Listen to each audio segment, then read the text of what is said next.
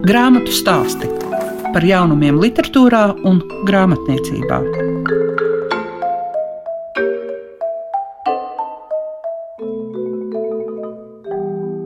Labu dienu saku visiem tiem, kas klausās grāmatu stāstus. Tos kā parasti veidojas Liega Piešiņa, un šodien varēsiet dzirdēt gan Rihardu Bargo, kuram iznāk grāmata Plikie rupši kvadrātā, kā arī pievērsīsimies literatūrai, kas tapusi Ivritā. Un Māra Poļakova mums vēstīs ne tikai par Dāvida Grossmana bārā ienāk zirgs. Grāmatu stāsti tiem, kam grāmatu lasīšana ir vērtība. Grāmatā stāstos šodien jūs varēsiet dzirdēt sarunu ar Rahardu Bargo. Un es, Rahard, gribu te pajautāt, tu esi piektās grāmatas iznākšanas noskaņās. Pirmās četras ir bijušas vienmēr uz papīra, drukātas.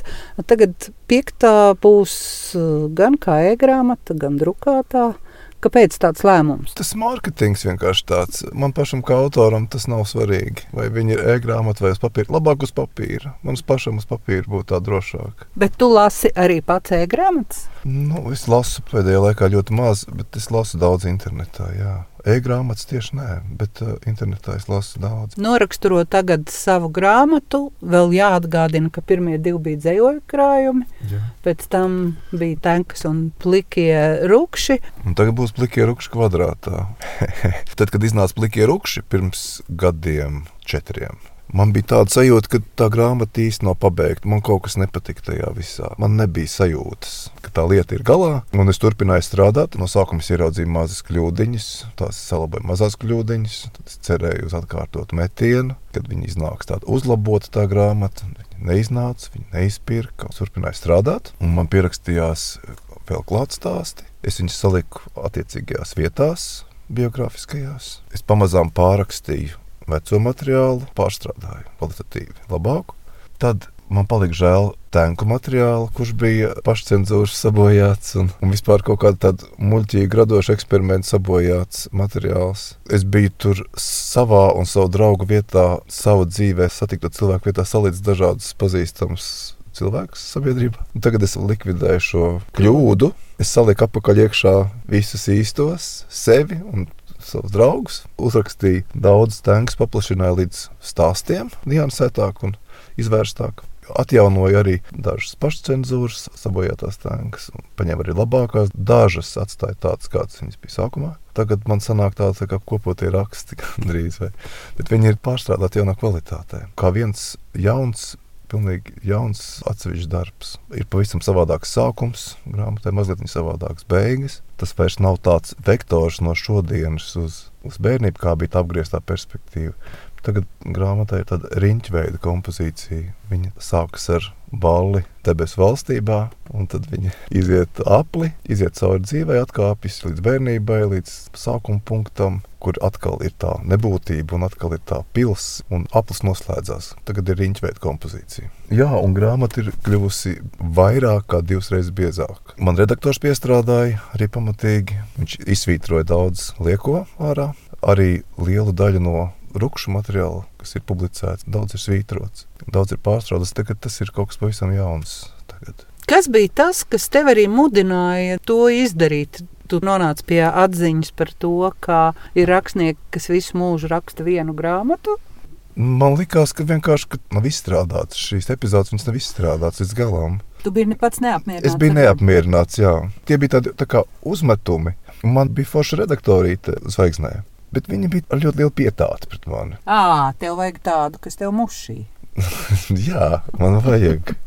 It kā izskatās tā, ka es esmu ļoti neatkarīgs un tāds lecīgs. Īsnībā man vajadzēja tādu cilvēku, kas ar vieglu rokas vēzienu pārsvītro un pasakā šito ārā ja teiksim, man ir kaut kas tāds, ko es nekādā gadījumā negribu mest ārā, es viņu arī neizmetīšu. Bet ļoti daudz, kam tā kā Ilmārs Virksts man lasīja, viņš ļoti daudz izsvītroja, un es esmu ļoti pateicīgs. Jo rakstniekam pašam viņam jau tā kā vecākam katrs kroplīts mīļš, lai kāds tas bērniņš ir. Tas ir mans bērniņš, viņš man mīļš. Un tāpat tās arī man vajadzēja paskatīties. Un nu, vienkārši dažas epizodes vajadzēja sadalīt rindkopās. Viņš kļūst arī pārskatāmāks, pielikt klāt kaut kādas nianses, kaut kādas grāmatas, kaut kādus momentus un padarīt viņu smuku.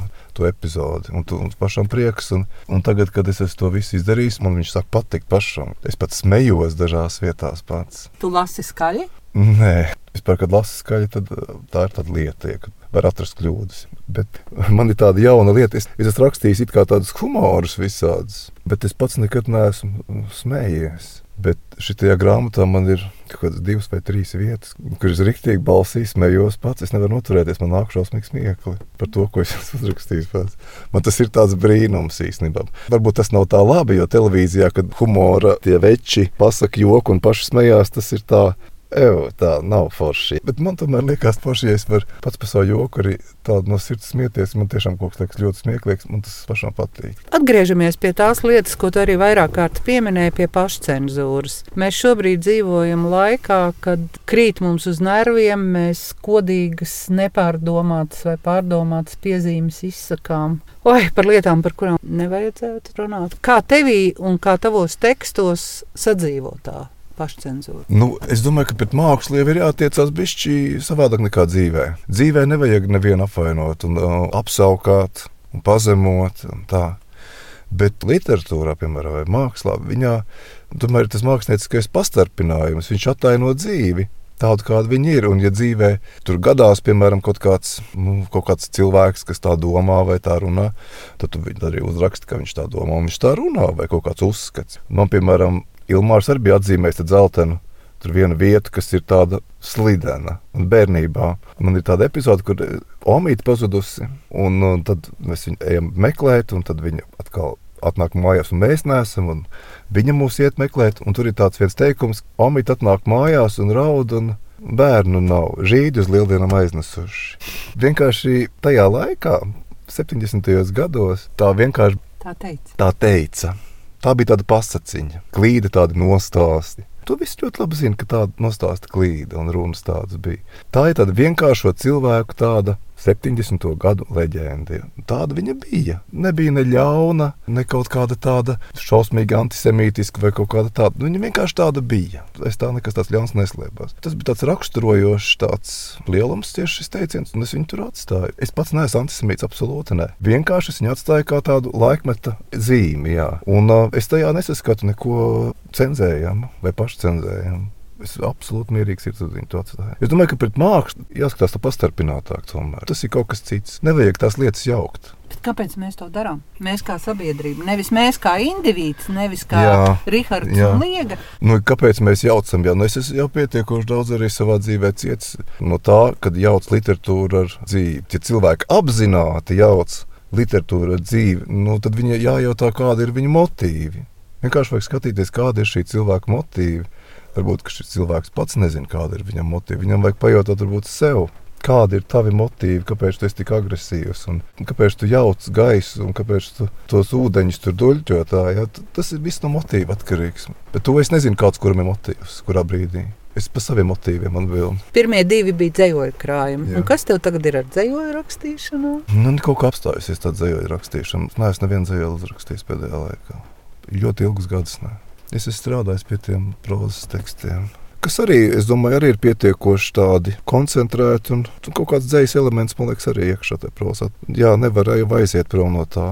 Tikai tā ir proza, elements ir. Tu esi kādreiz domājis par to, jo es arī sakotu, ka es braukšu pie tevis uz ierakstu, ļoti daudz, vai man tas Rihards gan patīk, kā viņš raksta kā ir arī ar to, ka ir šī labvēlīga attieksme pret tevi kā pret uh, rakstnieku, kā tekstu autoru? Ko tu darītu tad, ja teiktu, ka jā, nepatīk jā, jā. pie tā visa, kam tu esi izgājis, gan tam tiesas mm. procesam tieši par šo literatūras un dzīves jaukšanu? Nu, zini, ar to labvēlīgu attieksmi ir arī tā interesanti labvēlīgā attieksme vispār no viņas ir arī tā jāpiesargājās. Jo viņi ir tādi bīstami. Viņi iemidzina, nu, viņi glaimo, tu kļūsi tāds nekritisks. Man šī labvēlīga attieksme arī savā ziņā dzina uz priekšu, pārstrādāt to. Man liekas, ka man viņš ir tāds tā pa mīļu tas darbs. Un, uh, es vienkārši jūtu, ka man uztver par kaut kādu tādu, nu, tas ir tas mīļākais, alternatīvais puika, jā, un mums viņš tāds patīk. Viņam tur ir sava niša, viņš tur dzīvojās, bet neko vairāk mēs no viņa negaidīsim. Tas ir tur, jā. Bet mēs dzīvosim tālāk savu dzīvi, savu lielo literatūru, bet tas tur tā. Un tagad man ir, es nezinu, Tas ir ambīcijas. ne, man vienīgās ambīcijas ir vienkārši tā grāmata ir laba tagad. Kādas tagad vispār ambīcijas? Nu, Dzīvo. katrs izdzīvo kā māki. Man liekas, neviens jau par tādām ambīcijām neko daudz vairs nedomā. Man ir tās literārās ambīcijas. Un te pašā laikā par to mīļumu un par to atzinību, un, piemēram, jaunajā variantā tur būs diezgan tāds, atvainojos par vārdu, nu, tādas hardcorīgas vietas, pēc kurām es, piemēram, pats es iedevu korektorai, nu, Ilmārs vēl tā zvirks, nu, vīrietis. Tā, bet ievai, lai es mērķēju, viņa man taisa korektūra. Es jau nezinu, ko viņa vispār domā. Jo viņai bija sākumā ļoti labvēlīga attieksme pret mani un pret manu darbu. Bet tagad es laboju to korektūru iekšā un es eju tam tekstam cauri. Un es iztēlojos, kā viņa to varētu lasīt. Tur ir tādas vietas, kur es pats izlasu, un man paliek tik šķērmi kaut kā, ka es 20 lapus vispār nevaru atgūties pēc tam no tā, no tā riebīguma. Un tad, tad viņš kaut kā aizsaka no, ieliek kaut kādā gaišā pleķī to apziņu. Bet šajā grāmatā te ir ļoti daudz kas tāds arī nepatīkams, kas var izraisīt mani negāciju. Bet uh, par cik es gribu uzrakstīt savu dzīvi, izrakstīt visu ārā, pilnu ainu uztaisīt.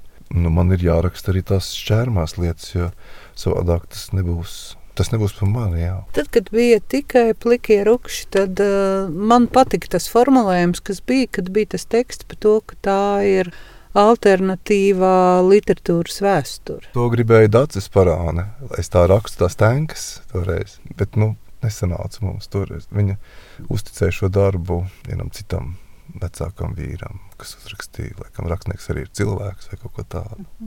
Tas nesanāca. Bet uh, vispār rupšos jau nemaz par to literatūru nemaz tik daudz nav. Nu, drusciņi ir. No drusciņa. Šajā ir varbūt mazliet vairāk, šajā ir izvērsts tiesāšanās, epizode ir izstrādāta, viņa ir kā saka, pārkrauta. Un tur ir ļoti daudz kas nācis klāt. Ne tieši par tiesā iesaistītajām pusēm, bet uh, tieši par to literāro vidi. To ainu tur ir dažādi. Tur ir par Reini Tukišu un Sātanu Bībeli un par Krīvādi. Un tur dažādi tādi literatūras tēli. Nekā tāda briesmīga, briesmīga nav. Bet uh, aina veidojās. Kas tad vēl tur ir pieminēts? Tur ir Mārcis Melngals pieminēts, bija Astra Mīla ir nākusi klāt. Par to literāro vidi tur mazliet ir tā, ka daži varoņi ir aiz, aiz tādiem segvārdiem paslēpti. Nu, tur ir sīvēns un pūks un tādi visādi. Jo tur tādas pārāk personīgas lietas, lai es viņus tā publiski. Es negribu nevienu tā kā tik publiski, tā kā Millers. Nu, ko mums jāsaka, lai tie, kurus interesē, rupši kvadrātā, lai meklē Aminorī mājaslapā, un arī jāgaida, kad paralēli šai e-grāmatai iznāks arī grāmatu uz papīra nodrukāta. Es ceru, ka būs smuka grāmata. Grāmatu stāsti programmā Klasika. Dāvida Grossmana bārā ienāk zirgs bija kā mudinājums, lai mēģinātu noskaidrot, ko tad mēs īsti esam lasījuši, vai kāda mums ir bijusi iespēja lasīt to, kas tapis Izraēlas literatūrā. Dzirdēsiet sarunu ar Māru Poļakovu. Kas bija tas, kas pamudināja pievērsties izrēliešu literatūrai? Vai tad nepietika jau ar tādu interesantu lietu kā ukrāņu valodu un vēl? Bija jau otrādi ukrāņu valodas, pēc tam sāku mācīties. Vispirms bija ivrits. Es sāku mācīties ivritu, tādēļ, ka man interesēja tīra valoda un to, ka šajā valodā ir kaut kāda literatūra, to es tikai pēc tam atklāju. Ivritu es sāku mācīties tādēļ, ka biju sākusi mācīties jidišu, interesēja visa tā austruma Eiropas ebreju kultūra. Un vienā brīdī es sapratu, ka zinot vācu valodu, zinot slāvu valodu, valodas drusciņu jidišu. Es jau varu tīri braši lasīt, un traucēja tikai semītiskā komponente, ko es nesapratu vispār nemaz, un, un tādēļ sāku mācīties ivritu. Mēs jau paši popularizējot latviešu literatūru, redzam, ka ik pa brīdim mums gribas, lai arī to klasiku papopularizē un to arī izdod. Un ja mēs skatāmies uz tām grāmatām, kas mums nāk no Izraēlas, tad mēs tomēr vairāk varam lasīt un iepazīt jaunāko literatūru. Kādas ir šīs attiecības un kā tam vajadzētu, tavuprāt, būt? Es nezinu, kā tam vajadzētu būt. Paši tas ļoti mulsina. Nav tā, ka mēs ieraugām pašu jaunāko. Grosmans un Šalevs, kas ir tulkoti, tie ir dzīvie klasiķi. Respektīvi, tās grāmatas ir rakstītas relatīvi nesen. Jautājums ir par pašiem dižajiem klasiķiem. Man liekas, ka viņus noteikti vajag tulkot nevis tādēļ, ka viņi ir diži klasiķi un literatūras pamats, bet arī tādēļ, ka viņi ir ļoti labi. Agnons ir brīnišķīgs rakstnieks, varbūt drusciņš par gausu mūsu laikmetam, bet ko nozīmē par gausu laikmetam? Ir lieliski iespēja apstāties un, un palasīt kaut ko lēnāku. Vai tie agrīnie dzēnieki, Bjaliks Černihovskis, viņi ir brīnišķīgi dzēnieki, un es visu laiku gaidu, kad kāds no jauniešiem, no jaunajiem dzēniekiem pabeigs mācīties ivrit tādā līmenī, lai varētu sākt atzījot, jo es to nevaru arī viņi ir ļoti vajadzīgi. Jo, nu, jo tas ir gan ivritu literatūras pamats, gan vienkārši nu, lieliska literatūra pati par sevi. Cita lieta nu, ir vēl pavisam jaunie, relatīvi atkal pavisam jaunie Izraels rakstnieki, par kuriem mēs šeit nu, vēl neko nezinām, jo līdz viņiem mēs neesam nonākuši. Tā tulkošana jau ir pašos, pašos sākumos. Ja mēs runājam par Grossmanu un par bārā ienāca zirgs, tad laikam ir jāsaka, ka ir tomēr cilvēki, kas kļūst par grosmanistiem. Tā mēs viņus varētu nosaukt. Un tu laikam pieder pie tiem, vai ne?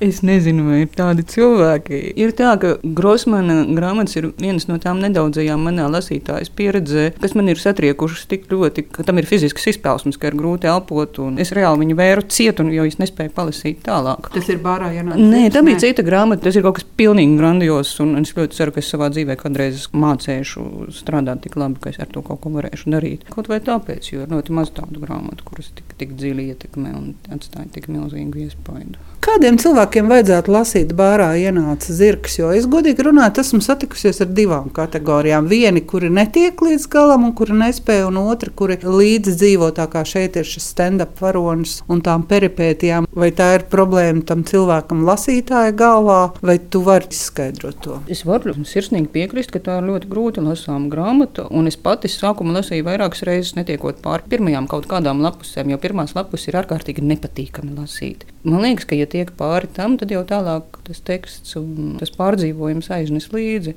Un kādiem cilvēkiem, spītīgiem un neatlaidīgiem, drosmīgiem, nenobīstas no tās agresijas un vulgaritātes, kas ļoti apzināti viņiem tiek mēstas sejā no grāmatas sākumā. Cik atšķirīgi mēs savā domāšanā esam? Ļoti. ne tiešām ļoti, ļoti visās iespējamajās izpausmēs. Mēs esam piesardzīgāki. Var teikt, ka cilvēks ir aplinks. Laikam nevar. Mēs esam ļoti, ļoti, ļoti netiešāki. Mēs esam, Mēs esam tā pieraduši pie padomju laikiem, kad vajadzēja pārnestā nozīmē kaut ko pateikt, ka mēs nevaram arī tagad to tā izdarīt. Es domāju, ka tas nav tikai padomju laiks. Man liekas, ka tā ir latviešu nacionālā rakstura iezīme, jo tautas dziesmas jau arī ir ārkārtīgi aplinkas. Nu, teiksim, doma tiek ļoti, ļoti apvīta ar, ar poetiskumu. Jā, Zini, kā to kādreiz sauc, kad mežģīnes? Nu, mežģīnes, jā. Nevar taču taisni sejā kaut ko pateikt. Var, Protams, ka var un vajag. Jā. Bet es vienmēr smējos, ja Latvijas grib zināt, kā klājas viņa māsai, piemēram, tad viņš nepajautās māsai. Viņš pajautās vēl kādam, lai uzzinātu no vēl kāda cilvēka. Pajautāt taisni acīs, mēs vienkārši nespējam. Mēs neesam tā auguši audzināti. Par sevi arī, jā, par sevi arī. Turpretī izrēlietis tev uzdos ļoti tiešus jautājumus, un neminstināsies nemirkli. Arī būs gatavs pats tikpat atbildēt atklāti. Tad tāpēc tev arī patīk tā literatūra? Literatūra. Literatūrā ir kaut kas tāds, kā nav nekur citur, citos tekstos, ar kuriem man ir bijusi darīšana. Man ir grūti atbildēt par visu literatūru, jo es neesmu izlasījis visu korpusu, tik tikko sākusi lasīt.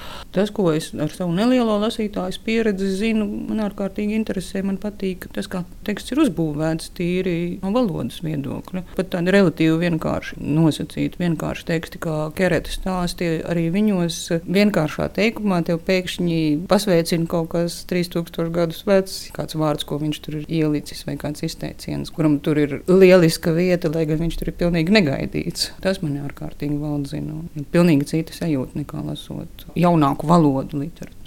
Un te laikam ir arī tā liela atšķirība latviešiem. Jo, ja tu jūti 3000 gadus senās tradīcijas, un mēs. Tā tāda būtiska atšķirība. Tā ir ļoti būtiska atšķirība. Un vēl ir viena lieta, ko es tīri darbā saskāros, kad es Grusmanu tulkoju. Nu, Ivrīt literatūrā ir pamatteksts, tas, ko mēs šeit saucam par veco derību, ko zina visi ne tikai ticīgi cilvēki, bet nu, tiešām, kas dzīvo citātos, dzīvo idiomātikā. Un man tekstā bija viena vieta, kur bija izmainīts citāts no, no praviešu iesaistes. Un viņš tur strādā tad, ir, kad cilvēks zina, ka šis ir citāts no svēta teksta, un rekurte viņam ir kaut kas cits cits. Viņš pat var nezināt precīzi to vietu. Un tad es meklēju, kā lai es panāku līdzīgu efektu latviešu. Domāju, kas mums latviešiem ir pamatteksts, ko zina visi, ko mēs pazītu arī izmainītā veidā. Man radās ļoti liels aizdoms, ka mums nav. Ir kaut kādas tautas dziesmas, kuras nu, ļoti daudziem varētu būt uh, prātām, bet arī ne visiem izskan grāmatu stāsti. Šīs dienas raidījumā dzirdējāt Rihardu Bargo. Viņš vēstīja par savu jaunāko grāmatu Plikie Rukši kvadrātā, kā arī uzzinājāt par Dāvidu Grossmanu, Bārā ienāk sirgs un pievērsāmies arī Izraēlas literatūrai. Visu labu jums saka Lieka Piešiņa. Grāmatu stāsti par jaunumiem literatūrā un grāmatniecībā ik trešdien, 9.5 ar atkārtojumu Svētdien, 18.15.